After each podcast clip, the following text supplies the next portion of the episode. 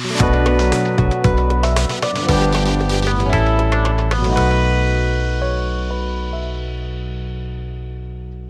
merhaba. Bu bölümde tüketici yolculuğundan bahsedeceğiz. E, tüketici yolculuğundan bahsederken tabii ki de tüketici deneyimine değinmeden e, olmayacak. Olmaz da zaten. Aslında zaten günümüzün dünyasında en e, önemli konu markaların da göbeğinde duran son birkaç yıldır experience dediğimiz şey.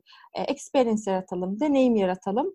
E, bir event yapalım ama ona deneyim diyelim gibi böyle şeyler var. Şimdi biz de biraz Elif'le konuşmak istedik bunu. Çünkü böyle bir seri gibi de oldu. İçgörüyü tartıştık. Sonrasında e, belki biraz ters gitmiş olduk gibi ama araştırmayı biraz anlatmaya, tartışmaya çalıştık. Tabii bunları anlatırken bir noktada da şeyi göstermek istiyoruz açıkçası size neyi şu anda yaşıyoruz ama aslında bizi ne bekliyor? Yani nereye doğru gidiyoruz? Bu işin geleceğinde ne var? Ve bunu yaparken de tabii tarih uzmanımız e, Elif bize her konuda o işin tarihçesinde anlatıyor. Değil mi Elif?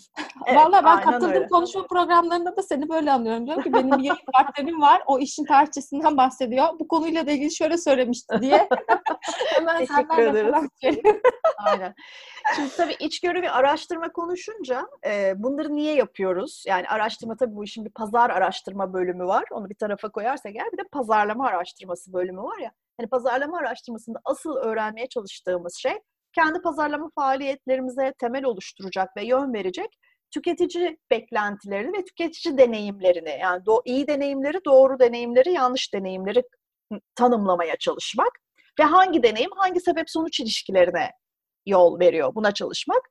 E, tüketici e, davranışı mesela ben e, üniversitede e, biliyorsun e, şeyden önce İsa'dan önce okudum ben üniversiteyi. İsa'dan önce üniversitede Consumer Behavior diye bir ders almıştım. Ve Consumer Behavior o zaman gerçekten de çok dar bir alandı. Çok e, İlk alanlardansın e, herhalde o ders. Aynen öyle. Aynen öyle. İlk açmışlardı. İnanmazsın. Böyle şeylerin e, forumun merdivenlerine oturduk. Eski Roma beni şöyle drapeli bir elbise düşün bak önünde. Neyse. E, çok tanımlı, hani sebep sonuç ilişkileri çok lineer gibi anlatılan bir e, dünyaydı. Ama tabii bugün geldiğimiz noktada tüketici davranışı yok, tüketici yolculuğu var biliyorsun. Tabii ki. Yolculuk deyince olaylar olaylar önüne engeller çıkıyor, molalar veriyorsun, geri dönüşler yapıyorsun. Dolayısıyla bu bir, bu bir lineer süreç olmaktan çıkıp A yaparsam B olur, B yaparsam C olur kadar basit olmaktan çıkıp daha dolambaçlı, daha fazla tehlike ve fırsat barındıran bir noktaya geldi. Bu yüzden de işte biz pazarlamacılar veya pazarlama stratejisi yapanlar için önemi daha da arttı diyebiliriz. Tüketimin tüketici tanımı, tanımı bence buradaki en kilit kavram. E, tüketici tanımı biliyor musun ki e, 19. yüzyıla kadar ortada yok. Müşteri var, alışveriş var, tüketim diye bir şey yok. Çünkü tüketimin içinde bir bitirme durumu var ya. Bu e, Latince kökenli bir kelime. E, bitmek, azalmak, yok olmak kaynağından geliyor. Yani tüketici sömüren insan, bitiren hmm. insan, tüketen adı üstünde hmm. insan. E, şeye kadar e, işte 19. yüzyılın başlarına kadar işte buharın e, buhar gücünün bulunması dolayısıyla üretim süreçlerinin hızlanması en sevdiğim kelimeler, kelime grubu gene cümle içinde kullanayım, sanayi devrimi olana kadar tüketim yok, alışveriş var. Tüketici yok, müşteri var. Çünkü senin bir ihtiyacın var. Gidip onu satın alıyorsun bir yerden bulup karşılığında da para ya da bir hizmet veriyorsun. Hala barter var çünkü. Ve bu şekilde alışveriş sonlanıyor. Bu bir döngü de değil. Gerçekten çok lineer. Zaten onu alabileceğin 800 tane adam da yok sana ürününü gözüne sokmaya çalışan. Ee, Sonra bin, işte 1800'lere doğru 1700'ün sonunda bir tane şey yazıyor. Ee, Adam Smith, hayatımızı karartan adam. Adam Smith diyor ki üretimin tek amacı tüketimdir. Yani böyle bir denklem kuruyor. Birden tüketimden bahsedilmeye başlanıyor. Çünkü neden? Artık üretim süreçleri daha fazla ürün üretip bunu nerelere satsak diye düşünecek kadar hızlanmış durumda. Ve her şeyin zorluklarla elde edildiği dönem yavaş yavaş en azından Batı Avrupa için hani bu işlerin kaynağı olarak arkada kalmaya başlıyor. 1871 yılında, bu çok ilginç bir şey, makaleyi bulup ben okudum, e, kaynaklarda da paylaşırız. E, Theory of Political Economy diye bir tane makale yazılıyor. William Stanley Jevons herhalde diye okunuyor tarafından. Burada da e, tüketimle ilgili çok ciddi bir yeni tanımlamaya gidiliyor. İşte bunun içine mesela şöyle bir şey söylüyor. Sen bir ürünün değerini tanımlarken eskiden ne yapıyordun? İşte kumaşı ne kadar tuttu, işte adam saat olarak kaç para harcadık gibi maddi değerler koyuyordun. Ama Jevons şöyle bir şeye gidiyor. Bu işe diyor öbür tarafından bakmak lazım. Bir ürünün ya da mesela bir ceketin değerini belirleyen şey tüketicinin ona para vermek istediği paradır. Dolayısıyla hmm. böyle tamamen üretim bazlı bir fiyat ve değer tanımından tüketim bazlı bir fiyat ve değer tanımına geçip ben bunu kaça satabilirim sorusunu sormaya başlıyor tüketiciler. Belki de marka değerinin aslında gizli bir şekilde hayatımıza ilk Aynen. girmeye başladığı dönem. Aynen. Yani ürünün değerinden, fiyatından değil değerinden bahsedilmeye başlanıyor.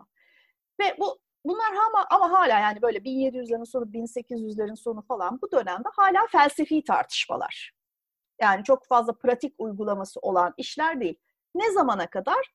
Çünkü endüstri devrimine kadar. Neden? Çünkü endüstri devriminde bir adam küçük bir fabrika kurup yüzlerce ayakkabı yapabiliyor. O yüzlerce ayakkabı yapınca senin onlarca ayakkabı alman gerekiyor. Sen yine senede iki tane ayakkabı alırsan adam niye o kadar ara, aya, ayakkabıyı üretti? Sen onlarca ayakkabı almaya başladığında satın alan ya da müşteri olmaktan çıkıp tüketici oluyorsun. Yani bunun aslına bakarsam en kısa tarihçesini bu şekilde özetleyebiliriz herhalde. Yani bir şeyi düzenli olarak e, aldığında artık sen onun tüketicisi oluyorsun. Evet çünkü ee, hani... dediğim gibi bir insanın kaç tane ayağı var? İki tane. Bir çift ayakkabıyla aslına bakarsan 365 gün geçirebilirsin öyle değil mi? Aa bunun delinde altı. Hadi pençeletmeye ya da tamir ettirmekle uğraşmayayım, yenisini alayım. Böylece senede bir ayakkabıdan bahsediyorsun. Ama bugün evet. git istediğimizin dolabına bak. Yani en minimalist yaşayan arkadaşlarımızın bile birden çok çift ayakkabısı var. E, evet çünkü aslında bu e, tarihçede de gördüğümüz gibi kırılma noktalarının yaşandığı anlar çok açık. Ne zaman ki burada bir bolluk oluşuyor Aynen. ve o bolluğun bir şekilde e, eritilmesi gerekiyor. Talep dengesi, arz dengesi. Orada bir şey var aslında bozulma var. Çünkü o dönemden bu döneme gelen 100 yıl, 110 yıl boyunca artık dünyanın e, talebi karşılayamaz boyuta geldiğini de görüyoruz. İşte bu e, sürdürülebilirlik konularına hep buralardan aslında geldik. Bu kadar çok üretim, bu kadar çok tüketim gibi. Hı hı, Şu hı. şeyin ben e, tanımını söylemek istiyorum e, izninle. Hani en başındayken onu da söyleyelim diye. Tamam. Bu e, şeyde konuştuğumuz tüketici yolculuğu aslında senin o söylediğin şey çok güzeldi. Bir şey yolculuk olduğunda aslında biraz sürprizlere açıkta oluyor. Yani Doğru. hani çünkü hani gitmeye e, niyet ediyorsun ama gidemeyebilirsin. İşte gidersen bir daha geri dönemeyebilirsin. Böyle bir insan hikayesi olarak baktığında böyle bir tarafı da var. Ama ticarette baktığımız zaman şöyle, ticarette müşteri deneyimi bir kurum ve müşteri arasındaki ilişkilerin süresi boyunca gerçekleşen etkileşimlerin ürünü. Yani hmm. orada arada bir ilişki süresinin e, oluyor olması gerekiyor ve bu etkileşimi de üç bölümden e, oluştuğu söyleniyor. Birincisi müşteri yolculuğu ki bugün bizim ana çıkış noktamız. İkincisi müşterinin etkileşimde bulunduğu marka temas noktaları ki buna bizim touch point e, dediğimiz e, şey hmm. e, sektör içerisinde ve müşterinin deneyimleri sırasında yaşadığı e, ortamlar var. Bunu da aslında biraz daha e, fizikileştirilmiş ya da artık günümüzde dijital diyebileceğimiz mecralardaki uygulamalarında yaşadıkları şey olarak düşünebiliriz diye düşünüyorum. Bütün evet. bu e, saydıklarımın arasında bizi şu anda en çok e, aslında zorlayan şey bu tüketiciye bu deneyimi yaşamak ve e, bu şimdi şeyini e, söyleyeceğim. Satın alma yolculuklarının aşamaları var ya ayrılan. Hı hı. Biraz da böyle şey gibi oluyor bak. E, ne denir ona? Tekerleme gibi oluyor. Pre-purchase, purchase, post-purchase. Hani daha sarkar kalkar kalkar gibi. Ona hazırlanmıştım yani bunu böyle şey yapayım diye. Şimdi mesela bu satın alma öncesi, satın alma anı ve satın alma sonrası bu üç kısımdayken hayatımız çok kolaydı. Çünkü evet. hani E, bir ürünü belli ki ihtiyacın var alacaksın. Tamam gittin aldın. Bir de mesela aldıktan sonra hatta Arçelik gibi markalar böyle çok güven yaratmıştı. Satış sonrası destekle. Yani evet. ben bir çamaşır makinesi aldım.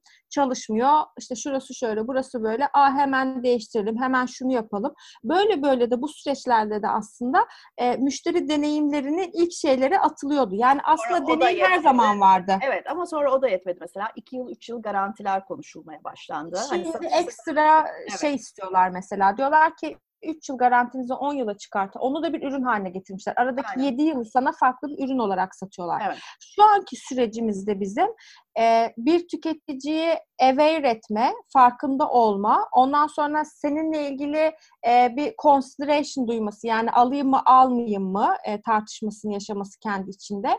Bunların hep mecraları var. Belki sen bunlardan bahsedeceksin. Aynen. Sonra bu almaya döndürme. Şimdi ama arada bir retention giriyor.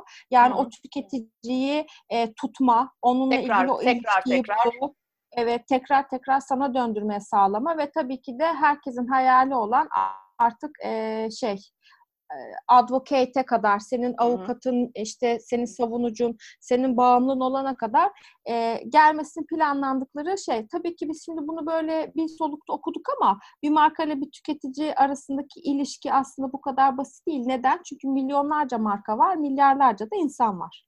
Evet. Onların nerelerde ve ne koşullarda buluşacakları önemli. Ee, burada şeye e, geri dönecek olursak, yani tüketim yolculuğunun başına dönecek olursak, e, Şimdi biz marketi, ben marketing okurken ya da sen de mutlaka bir ucundan yakalamışsındır. A'yı da vardı. Hatırlıyor musun bilmiyorum. Awareness, evet. interest, desire, action. Evet. Gördüm. Ülke ilgimi çekti. Almak istedim, aldım. Ne kadar basit ve güzel bir hayat. Geldim gördüm ben seni yendim gibi. Aynen öyle. Beni vidi vici. Şimdi tabii bu iş komplikeleşince e, ürün e, hani böyle bir şey var ya e, çokluktan zehirlenme durumuna gelince bugün bir markete girdiğinde satın alabileceğin de deterjanın, satın alabileceğin zeytinyağının gerçekten haddi hesabı yok. Yani bir küçücük bakkalda bile birçok çeşit var. Bir tüketimi özendirme çabası var. Yani tüketimi birincisi daha sık yap. Hani burada ihtiyaç maddelerinden çok şey maddelerine geçiyoruz artık. E, istek maddelerine geçiyoruz. Bir tüketimi daha sık yap. E, iki, beni tüket diye bir tüketimi özendirme şeyi var. Çünkü aslında hani içinde bulunduğumuz bu yeni ekonomik düzenin son işte belki de 20 yılın, 30 yılın en önemli şeylerinden biri. Bir yerde gördüm bu ta- tanımı benim çok hoşuma gitti. Alışveriş artık bir hobi. Evet. Yani böyle bir başlık var. çıktı. Aynen. E, merak eden bu konuyu bunu aynen alıp Google'a yazıp altında çıkan bir sürü makale var. Okuyabilir. Shopping as a hobby. Gerçekten de hani temel gıda, temel ihtiyaç maddelerini temizlenmek, barınmak, karnımızı doyurmak için kullandığımız bir takım maddeleri bir kenara bırakıyorum. Yani yüzüne mesela yıkayıp onu nemli tutacak bir şey sürmek bugünkü dünyada artık ya da bir e, güneş koruyucu sürmek bugünkü dünyada bir ihtiyaç. Ama hidrolik asit sürmek bir ihtiyaç değil.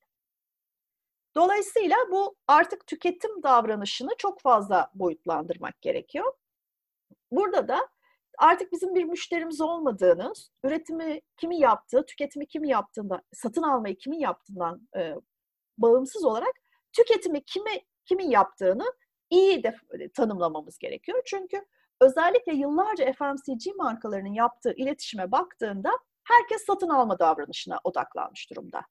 İşte mesela housekeeper diye bir hedef kitle var. Gidip marketten aloyu alan insan. Mesela hepimiz Ama onu konuşmaya çalışıyoruz. ayrımı da böyle çıktı ya zaten. Evet. Yani bir e, ürünün alıcısıyla tüketicisi aynı olmayabilir diye. Evet. Ve bunun arasındaki dinamikler ürün grubuna göre çok birbirinden farklı. Yani bir ürün grubu var, adıyla markasıyla yazıyorum, onun alınmasını istiyorum. Bir ürün grubu Hı-hı. var, deterjan al diyorum mesela. O yüzden de hani buradaki bu kavramlar satın almaya e, ilet, satın almaya yönelik iletişim. Ya burada şöyle bir şey var. Tüketici davranışını, motivasyonlarını anlamaya çalışmak gerçekten bir aşamaydı pazarlama iletişiminde. Neden tüketiyor insanlar bunu? İşte mesela ev kadını komşularına hava atmak için beyaz çamaşır ister gibi bir çıkarım yapmışlar insanlar. Bunun üzerine onlarca Fokus yıl iletişim kuruldu. Fokus grupta demiş ki ben böyle asıyorum sakız gibi karşıda Ayşe Hanım var yemin ediyorum çenesi düşüyor. Ama şimdi yani bu zaten şeyde de reklam film senaryolarına baktığımda da zaten hep bunun üzerine ya gelin kaynana çekişmesi ya Aynen. işte e, komşulara nispet bir nispet durumu zaten hep söz konusu yani yıllardır. Aynen. Değişmiyor Yani- bu dinamikler. Çünkü insanlar niye bunu kullanıyorlar motivasyonu hala kullanıcı açısından yani customer açısından düşünüyor. Şey açısından. Çünkü aslında öyle bir şey yok. Onu ona sen dayatıyorsun. Evet. Yani ona 500 tane farklı deterjanı sen sunduğun için onu bir seçim yapmak zorunda bırakıyorsun ve sonra da diyorsun ki beni seç. Neyse zor da olsa e, dijital dönüşüm sayesinde hani kabul etsek de etmesek de bazı alanlarda dijital dönüşüm gerçekleşti. Dijital dönüşüm sayesinde bunun bir yolculuk olduğunu, bir lineer e, ilişki topluluğu olmadığını nihayet anlamış olduk. Şimdi buradan da şeye geliyoruz. İlk yayınlarımızda bayağı konuşmuştuk bunu. E, pazarlama tüneli, funnel'ı. Yemin ediyorum bugün onu düşündüm ve e, senin tarihe geçirdiğin, koymuştuk. geçirdiğin Evet. tüneli e, hatırladım ve dedim ki Evet. acaba bugün bahsedecek miyiz? Evet. Şimdi bu final de eskiden çok şeydi. Biraz önce dedik ya ayda işte görüyorum, istiyorum, canım canım çekiyor, alıyorum gibi. Şimdi tabii bu e, konuşmanın başında sen birazcık şey diye e, retention'a kadar giden e, alanda saydın. Ama aslında e, şeyden sonra e-ticaretin hayatımıza girmesinden sonra e, bir ara adım çıktı ortaya. Yani mesela Google'ın bunun için yaptığı, kendi Google e, reklamlarında, onun marketinginde kullanman için tanımladığı bir şey var. Zero Moment of Truth diye bir şey var. Evet. Zero Moment of Truth şu demek aslında. Görüyorum, biliyorum, düşünüyorum. Bu herhangi bir yerinde olabilir bu döngünün. Ne zaman araştırmaya başlıyorum? Gerçekten o ürünle ilişkiye girdiğim ilk an neresi? Böyle kafamın ucunda. Nike'nin yeni Air Max'leri çok güzel. Çok güzel. Gördüm, aa çok güzel. Gördüm, çok güzel. Ne zaman ben onu Google search bar'a New Blue Air Max Nike yazdım mesela. O benim için zero moment of truth. O noktadan sonra gerçekten başka bir yolculuk başlıyor. Çünkü bu başka yolculukta satın almayı nereden yaparsam yapayım, yani research online, purchase offline ya da research online, purchase online diye bir şey var biliyorsun bunun, e, tanımı var. Satın almamı nereden yaparsam yapayım, sadece dijitalde dolaşan bir şey var. E, araştırma bölümü var. Buna da Google ZMOT diyor. Zero Moment of Truth diyor. Yani stimulus bu beni uyaran, bu ürün grubuyla ilgili. Kafamın arkasında hep bir yerde var. Ama beni tetikleyip harekete geçiren ne? Pek çok alanda şu anda biz mesela buna odaklanmaya çalışıyoruz. Bunun için bir deneyim ağacı çizmeye çalışıyoruz. Ben Nöromarketingi de burada mı kullanıyorlar? Nöromarketingi burada kullanmıyorlar yok. Yani burada tamamen aslına bakarsan şeyden hani veri toplayıp bu verileri doğru düzgün analiz etmekten eee, şey yapıyoruz. Google'ın sana verdiği en Tamamen önemli dijital bir şeyden bahsediyoruz öyle. yani burada. Google'ın Hı. sana verdiği en önemli hizmet bu aslına bakarsan biliyorsun değil mi? Yani senin şeyde dijital hayatında e, bunu daha önce birkaç kez söylemiştim. Ben şey kullanıyorum. Google Plus hesabı kullanıyorum. Şeyci olmadığım için, Apple'cı olmadığım için benim mesela Apple ID'niz var sizin, değil mi? Bir Hı hı. Apple kimliğiniz var. Benim de bir Google kimliğim var. Hı Bu hı. Google kimliğim sayesinde bu Google denen e, topluluk benim her şeyimi biliyor. Mesela uçak bileti arıyorum, bana kiralık araba çıkartıyor. Otel arıyorum, restoran çıkartıyor. Çünkü ben farkındalığı yüksek bir noktaya geldiğimi yakalayıp beni o şeyde zero moment of truth'la o touch point'le buluşturmaya çalışıyor. Bunu yaptığı zaman çünkü ben bununla ilgili daha hızlı harekete geçebilirim, daha ucuza harekete geçebilirim ve e, daha yüksek dönüşüm sağlayabilirim. Daha yüksek bir conversion rate'le bana reklam yapmış olur diye düşünüyor ve bunun için şey yapmaya çalışıyor. Bunun işte şeyden sonra hani zero moment of truth'tan sonra bir first moment of truth var. Gittim, satın aldım. Bir de second moment of truth var. Kullandım. İşte Google'da mesela bunu şöyle yapmaya çalışmış. O yüzden de hani uyarılma, alma ve deneyimleme. diye bir yolculuk tanımlamış şimdi. Bu 2012'den beri kullandıkları bir sistem ve Google'ın da genel olarak ağırlıklı olarak kendi pazarlama modelleri bunun üstüne yürüyor. Şimdi bu her şeyle örtüşüyor mu? Hani online, offline her alanda kullanabiliyor muyuz? Ya da Google olmayan reklam pazarlama modelleriyle kullanıyor muyuz? Ya buna birazcık e, bakmak lazım. Bu konuda çok fazla tartışma var. Bunu biz duopolinin ne, kadar zararlı olduğundan da bahsettik. İşte e, yakın daha yeni bir makale okudum. İşte P&G gibi, Unilever gibi e, kurumların Twitter ve e, Facebook'ta reklam vermeyeceğinden konuşuluyor şu anda.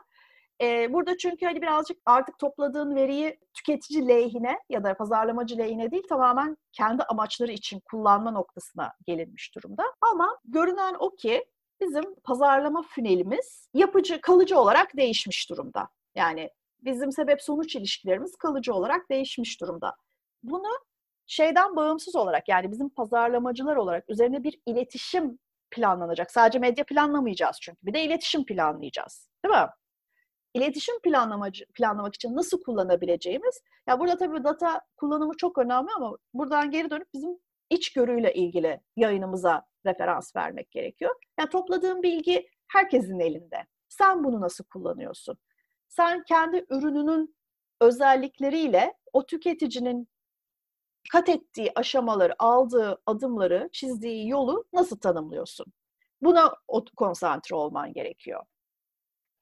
Yani aslında birazcık bence şeylerin üzerinde durmamız lazım. Yani iki tane şeyi ben burada çok önemsiyorum. Birincisi touch point dediğimiz şeyi. Çünkü buradaki tüketiciye dokunma noktaları tamamen aslında değişti.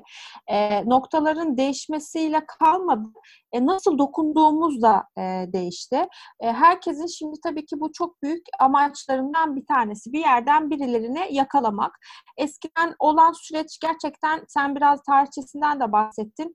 Mesela Word of mouth diye bir şey vardı ve bu çok değerliydi bu touch point e, şeylerinde e, süreçlerinde birisinin şeyi sözlü olarak tavsiye ediyor olması. Günümüzde de bu hala çok önemli. Bunu da nerede görüyoruz? İşte kullanıcı yorumları, sosyal medya yorumlarında bir ürünü almak istediğin zaman hemen bakıyorsun. Daha önce bunu alan ne gibi sorunlar yaşamış, memnun kalmış mı, kalmamış mı? Ama çok enteresan bir şekilde e, tabii ki Google burada çok büyük bir yer tutuyor. Çünkü artık aramalar direkt markanın e, sitesine girip e, bakmak ya da işte ne bileyim eskiden olduğu gibi kalkıp bir mağazasına gidip bakmak gibi değil de insanlar artık ya Google'dan başlıyorlar bunu aramaya ya da Instagram'dan aramaya başlıyorlar. Tabii ki de bu olayı çok enteresan yerlere götürüyor. Yani senin o zaman Instagram'ın öyle bir noktada olmalı ki sadece hikaye anlattığın bir platform değil, aynı zamanda Instagram'ın süreklisini geliştirmeye zorladığı, şimdi biliyorsun en son şey de eklendi, küçük e, kullanıcılar da yani küçük üretim küçük yapan, el işçileri yapan küçük işletmeler de e, yani işte ne bileyim Ayşe Fatma çok fazla evinde tülbent e, örüyor, nakış işliyor. Bunlar birer ürüne dönüşüyor. Bunları satacak bir mecra lazım. Zaten Instagram'dan bunu paylaşıyor, görüyor. Böyle bir şey oluşmuş. Onu alıyor, e, resmi bir şekilde satış platformuna çeviriyor. Dolayısıyla da artık burada şeye doğru gidiyoruz. Nasıl e, normal ticaretten fiziki ticaretten e-ticarete doğru gittik. Şimdi de artık mobil ticaret konuşmuştuk. Artık social e, commerce e, biraz daha hayatımızda e, aktif olacak. Yani sosyal ticaret. Tabii Nedir çok bu? sayıda Instagram markası var mesela artık. Senin içinde gezindiğin sosyal mecraların her an alışveriş yapabilmeye hazır olması durumu. Evet. Yani sadece içerik tüketmeyeceksin, sadece entertainment aracı olarak kullanmayacaksın.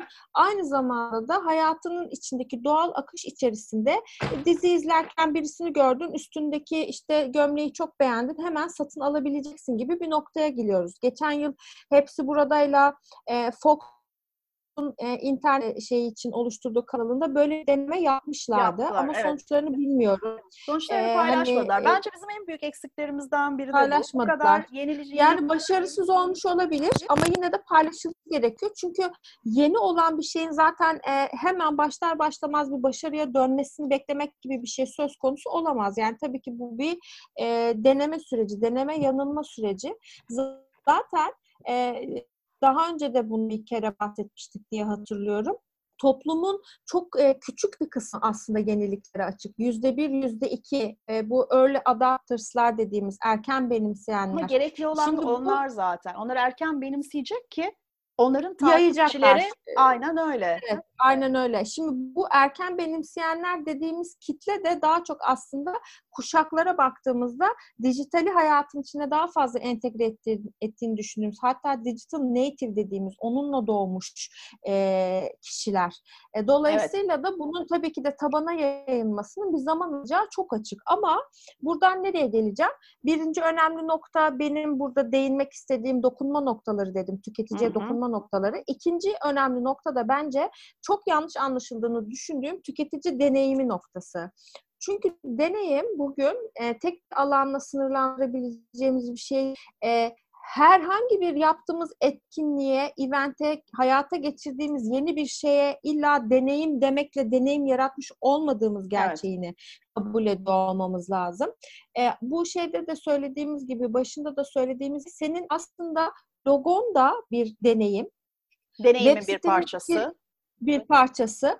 E, web sitesinin içerisinde geçirdiği süre de yani kullanıcı deneyimi açısından e, işte tasarımın kolaylığı, bir şeyi ne kadar kolay bulabiliyor, satın almaya ne kadar hızlı döndürebiliyorsun. Mesela Amazon'un şöyle bir şeyi var. Jeff Bezos diyor ki hani e, 5 saniyenin altında olacak açılma süresi. Hatta 1 saniye şeyi koymuş. Yani basacaksın dıt açılacak. Yani evet. hani anlatabildim mi? Mesela öyle siteler var ki giriyorsun 5 saniye, 10 saniye, 15 saniye. Ve yüklüyor yani. Aç, açılsın. Bu şeyde e, en aslında amaç ne? E, sepet oranlarını arttırmak, insanları düzenli olarak o siteye çekmek, trafik yaratmak ve insanların alışveriş yapmasını sağlamak. E sen ben senden alışveriş yapayım istiyorsan o zaman benim oradaki deneyimimin iyi olması lazımlısına geldiğimizde bence burayı biraz açalım. Yani ne yaşamak istiyor bu insanlar? Bu deneyimden ne anlıyorlar? Benim için bilgilendirmeyi iyi bir şekilde görmek, kolay bir şekilde ulaşmak. Yani Hı-hı. ben bu ürünü almak istiyorum. Bu ürüne tıklıyorum. Bu ürünü tıkladığımda o ürünle ilgili bilgiyi görmek yerine bana 50 tane farklı şey bunu da beğenebilirsin, bunu da bakabilirsin. İşte bunu alan bunu da aldı yaptığı zaman mesela benim odağımı dağıtmış oluyor girişimden çıkışıma kadar hızlı, basit bir şekilde bu işi çözmek istiyorum ben. Şimdi e, deneyim adımları bence çok önemli dediğin doğru. Bunu e, bir tanımlamak lazım, bir saymak lazım bu adımlar. Günümüzde e-ticaretin bu kadar tepe noktasına ulaştığı bir noktada yani iyi bir ivme yakaladığı, tepe noktasına ulaştı yanlış oldu. Daha artacak ama iyi bir ivme yakaladığı bugün de e, deneyim adımlarını da bir gözden geçirmek lazım. Ve burada senin sunacağın artı ve eksi deneyimlerin de ona katkısını ve buradaki iletişimi senin nasıl kurgulayacağını düşünmen lazım. Çünkü bu deneyim adımlarında sen bir marka olarak, sen bir e, ürün olarak pasif kalamazsın. Burada aktif olman gerekiyor. E, burada senin yönlendirici olman gerekiyor. Aksi takdirde tüketicinin arkasından sürükleniyor buluyorsun kendine. Şimdi birinci adım e, aynen funnel'ımızın, e, fünelimizin ilk günlerinde olduğu gibi birinci adım farkındalık. Yani böyle bir ürün grubu olduğundan. Ama her final dediğimde güleceksen bu böyle olmuyor. Benim genel olarak bir gülme eğilimim var zaten tamam. biliyorsun. Şimdi bu farkındalık eninde sonunda senin pazarlamacı olarak yaratman ve yönetmen gereken bir şey. Doğru mu? Yani senin tüketicin evet. olabileceğini düşündüğün insan gruplarıyla e, insan topluluklarıyla belli e, ortamlarda, belli touch point'lerde buluşuyor olman lazım. İkincisi, bu Google'da bahsettim ya e, Zero Moment of Truth, karar vermenin sıfır anı.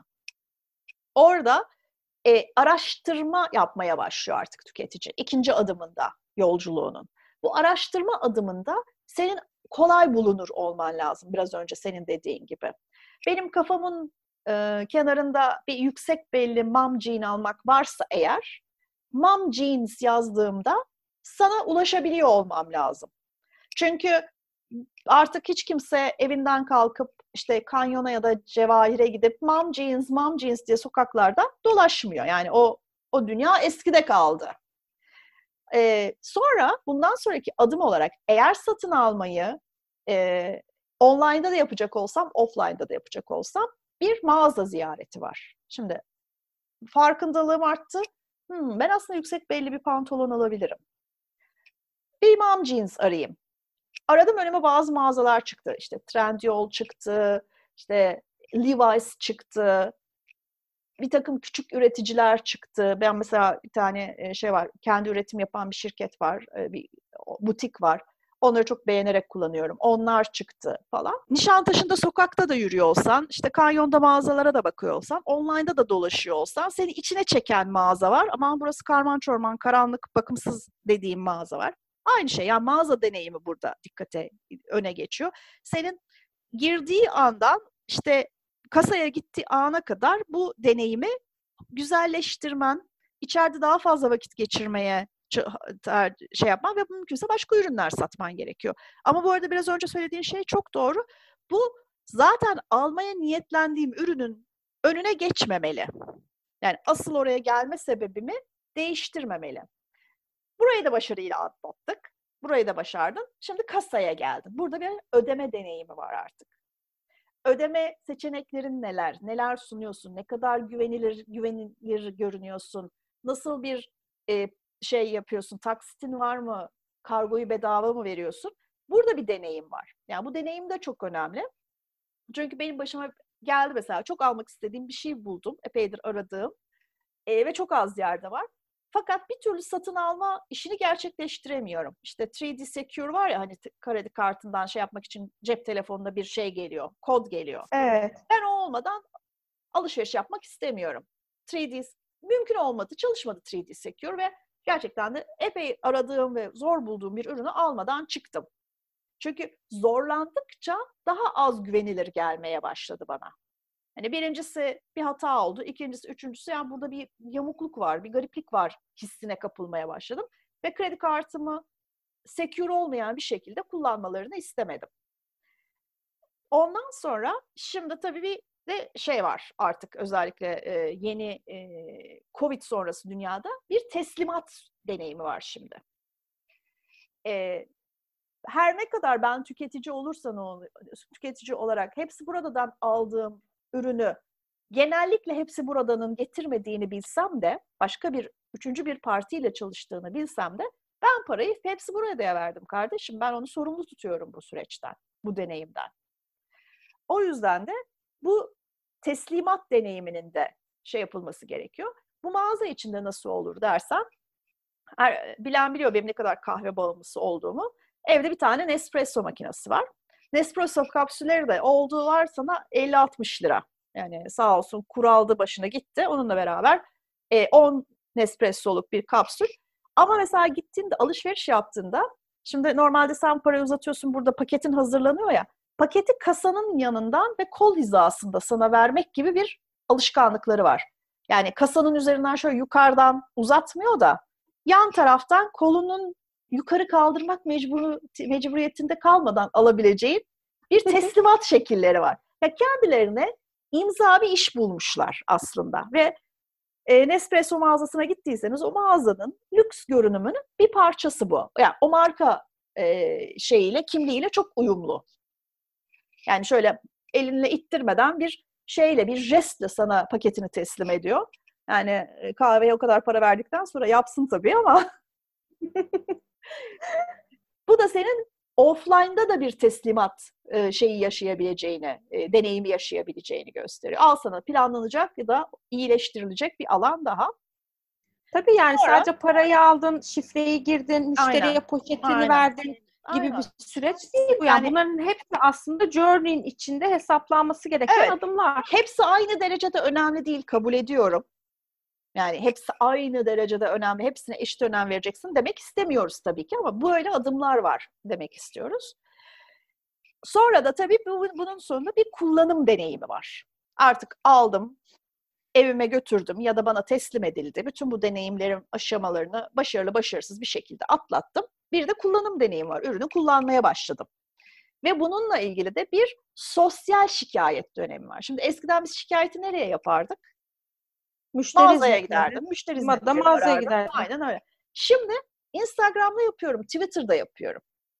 Aldım bir ne biçim malmış ve iki günde elimde kaldı. Allah senin belanı versin diyorum. Mesela öyle bir noktaya geliyor ki iş üç haftadır peşinde koştuğum bir türlü telefonunu düşüremediğim müşteri hizmetleri beni geri arıyor. Ay tamam yeter. Vık vık vık. Bize bir iletin hemen sizi arayalım. Aynen öyle. Dolayısıyla bu sosyal şikayet de bir deneyim. Ben şikayet edecek noktaya gelmiş olabilirim ama gene de geri kazanılabilirim. Bu deneyimi de planlıyor olman gerekiyor. Ve işin daha da karmaşık tarafı içinde bulunduğumuz bu 21. yüzyıl pazarlamasında, aşırı dijitalleşmiş pazarlamada ve aşırı sosyalleşmiş pazarlamada bu her insana göre değişen touch pointleri var bunların. Yani beni yakalayacağın yer başka, Elif'i yakalayacağım yer başka, Elif'in annesini yakalayacağın yer başka ve bunlarla iletişim yöntemleri de başta. Al sana işte kocaman bir consumer journey başından sonuna kadar. Tekrar söylüyorum yani ben şikayet edecek noktaya gelsem bile şikayet noktasında hala benim geri kazanabilir bir marka. Tamamen şikayetimi nasıl el, şeyle ele aldığıyla alakalı olarak gelişen bir şey.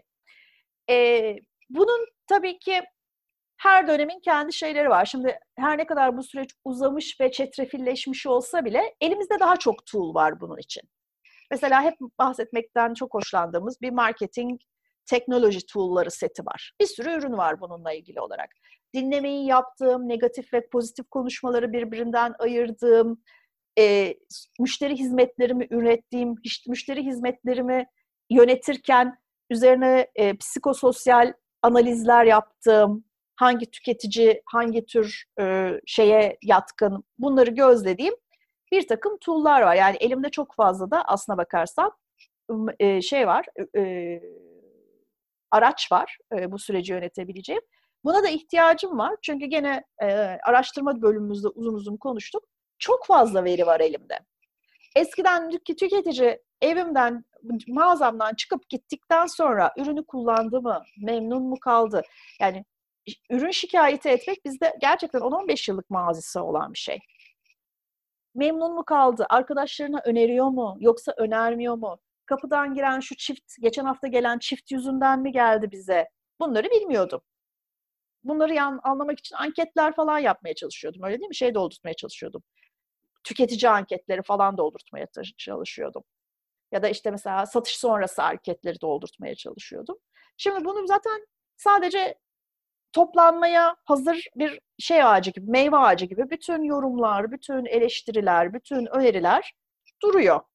Sadece benim onu doğru ve anlamlı bir şekilde kullanabilmem ve biraz önce adımlarını saydığımız yolculuğa doğru yöntem ve doğru hedef kitle ve doğru touch point eşleşmesiyle dahil olmam gerekiyor. Pasif olarak kalmamam gerekiyor. Çünkü bu kadar çetrefilleşince, bu kadar deney, de, detaylanınca bir yolculuk senin e, ürünü hizmeti sunan insan, sunan insan olarak pasif kalma mecburiyetin, tehliken var. Yeterince dahil olamama süreçlere, tüketicinin peşinde sürüklenip gitme gibi bir tehlike arz ediyor bu kadar dolambaç olunca da tüketiciyi bir yerde kaybedebiliyorsun gerçekten.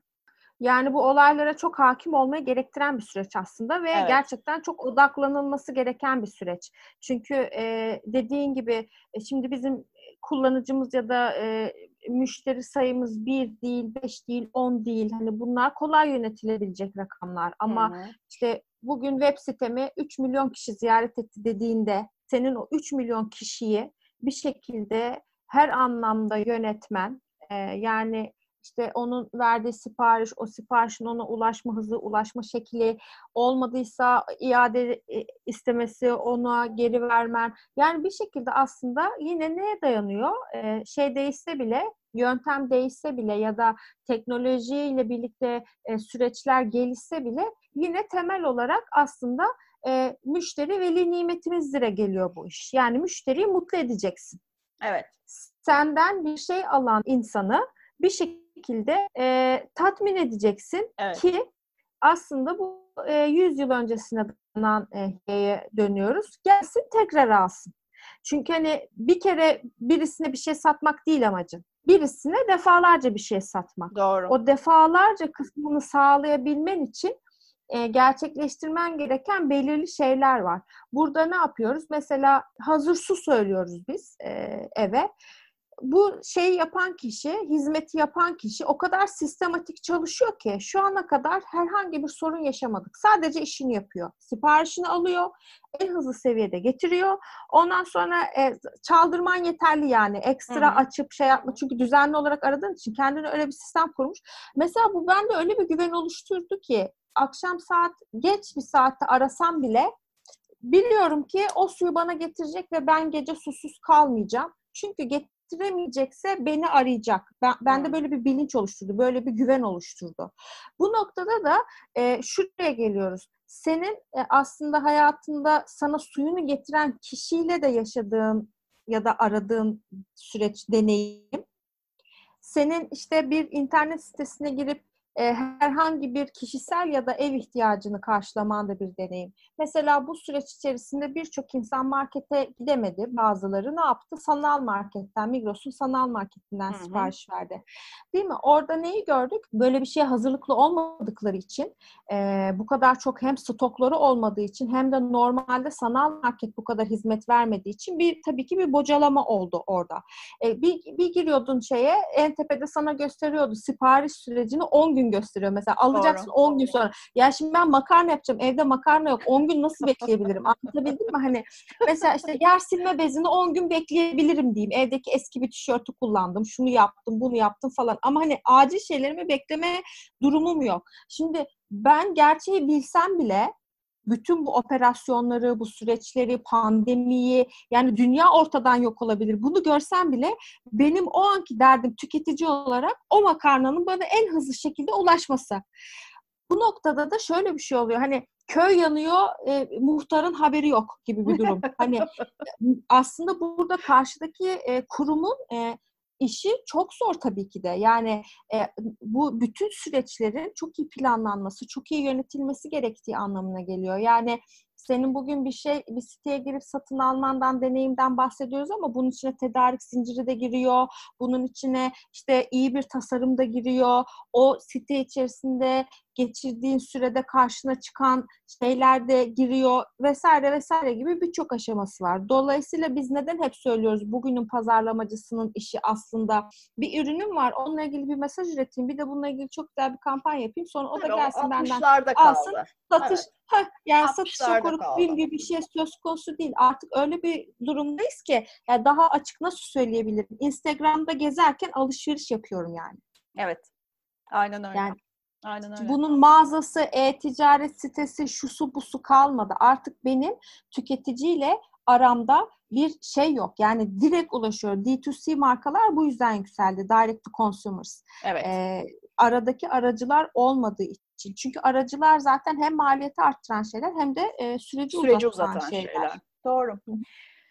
Evet, e, tüketicinin pazarlamacının işi hem daha zor hem daha kolay. Ee, eskiden de tüketiciyi arayıp bulmak, ikna etmek gerekiyordu. Şu anda zaten kendiliğinden ikna bir insan topluluğuyla, özellikle de son 3 aydır evde oturdukları için kendiliğinden ikna bir insan topluluğuyla şey var. Alışveriş nerede? Hani ne alabilirim? shopping, shopping as a hobby yani.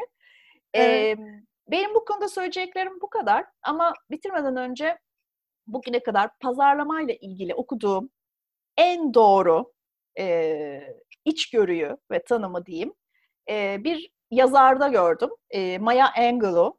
E, çok yakınlarda kaybettik. Çok severek okuduğum bir yazardı gerçekten. Şöyle bir lafı var.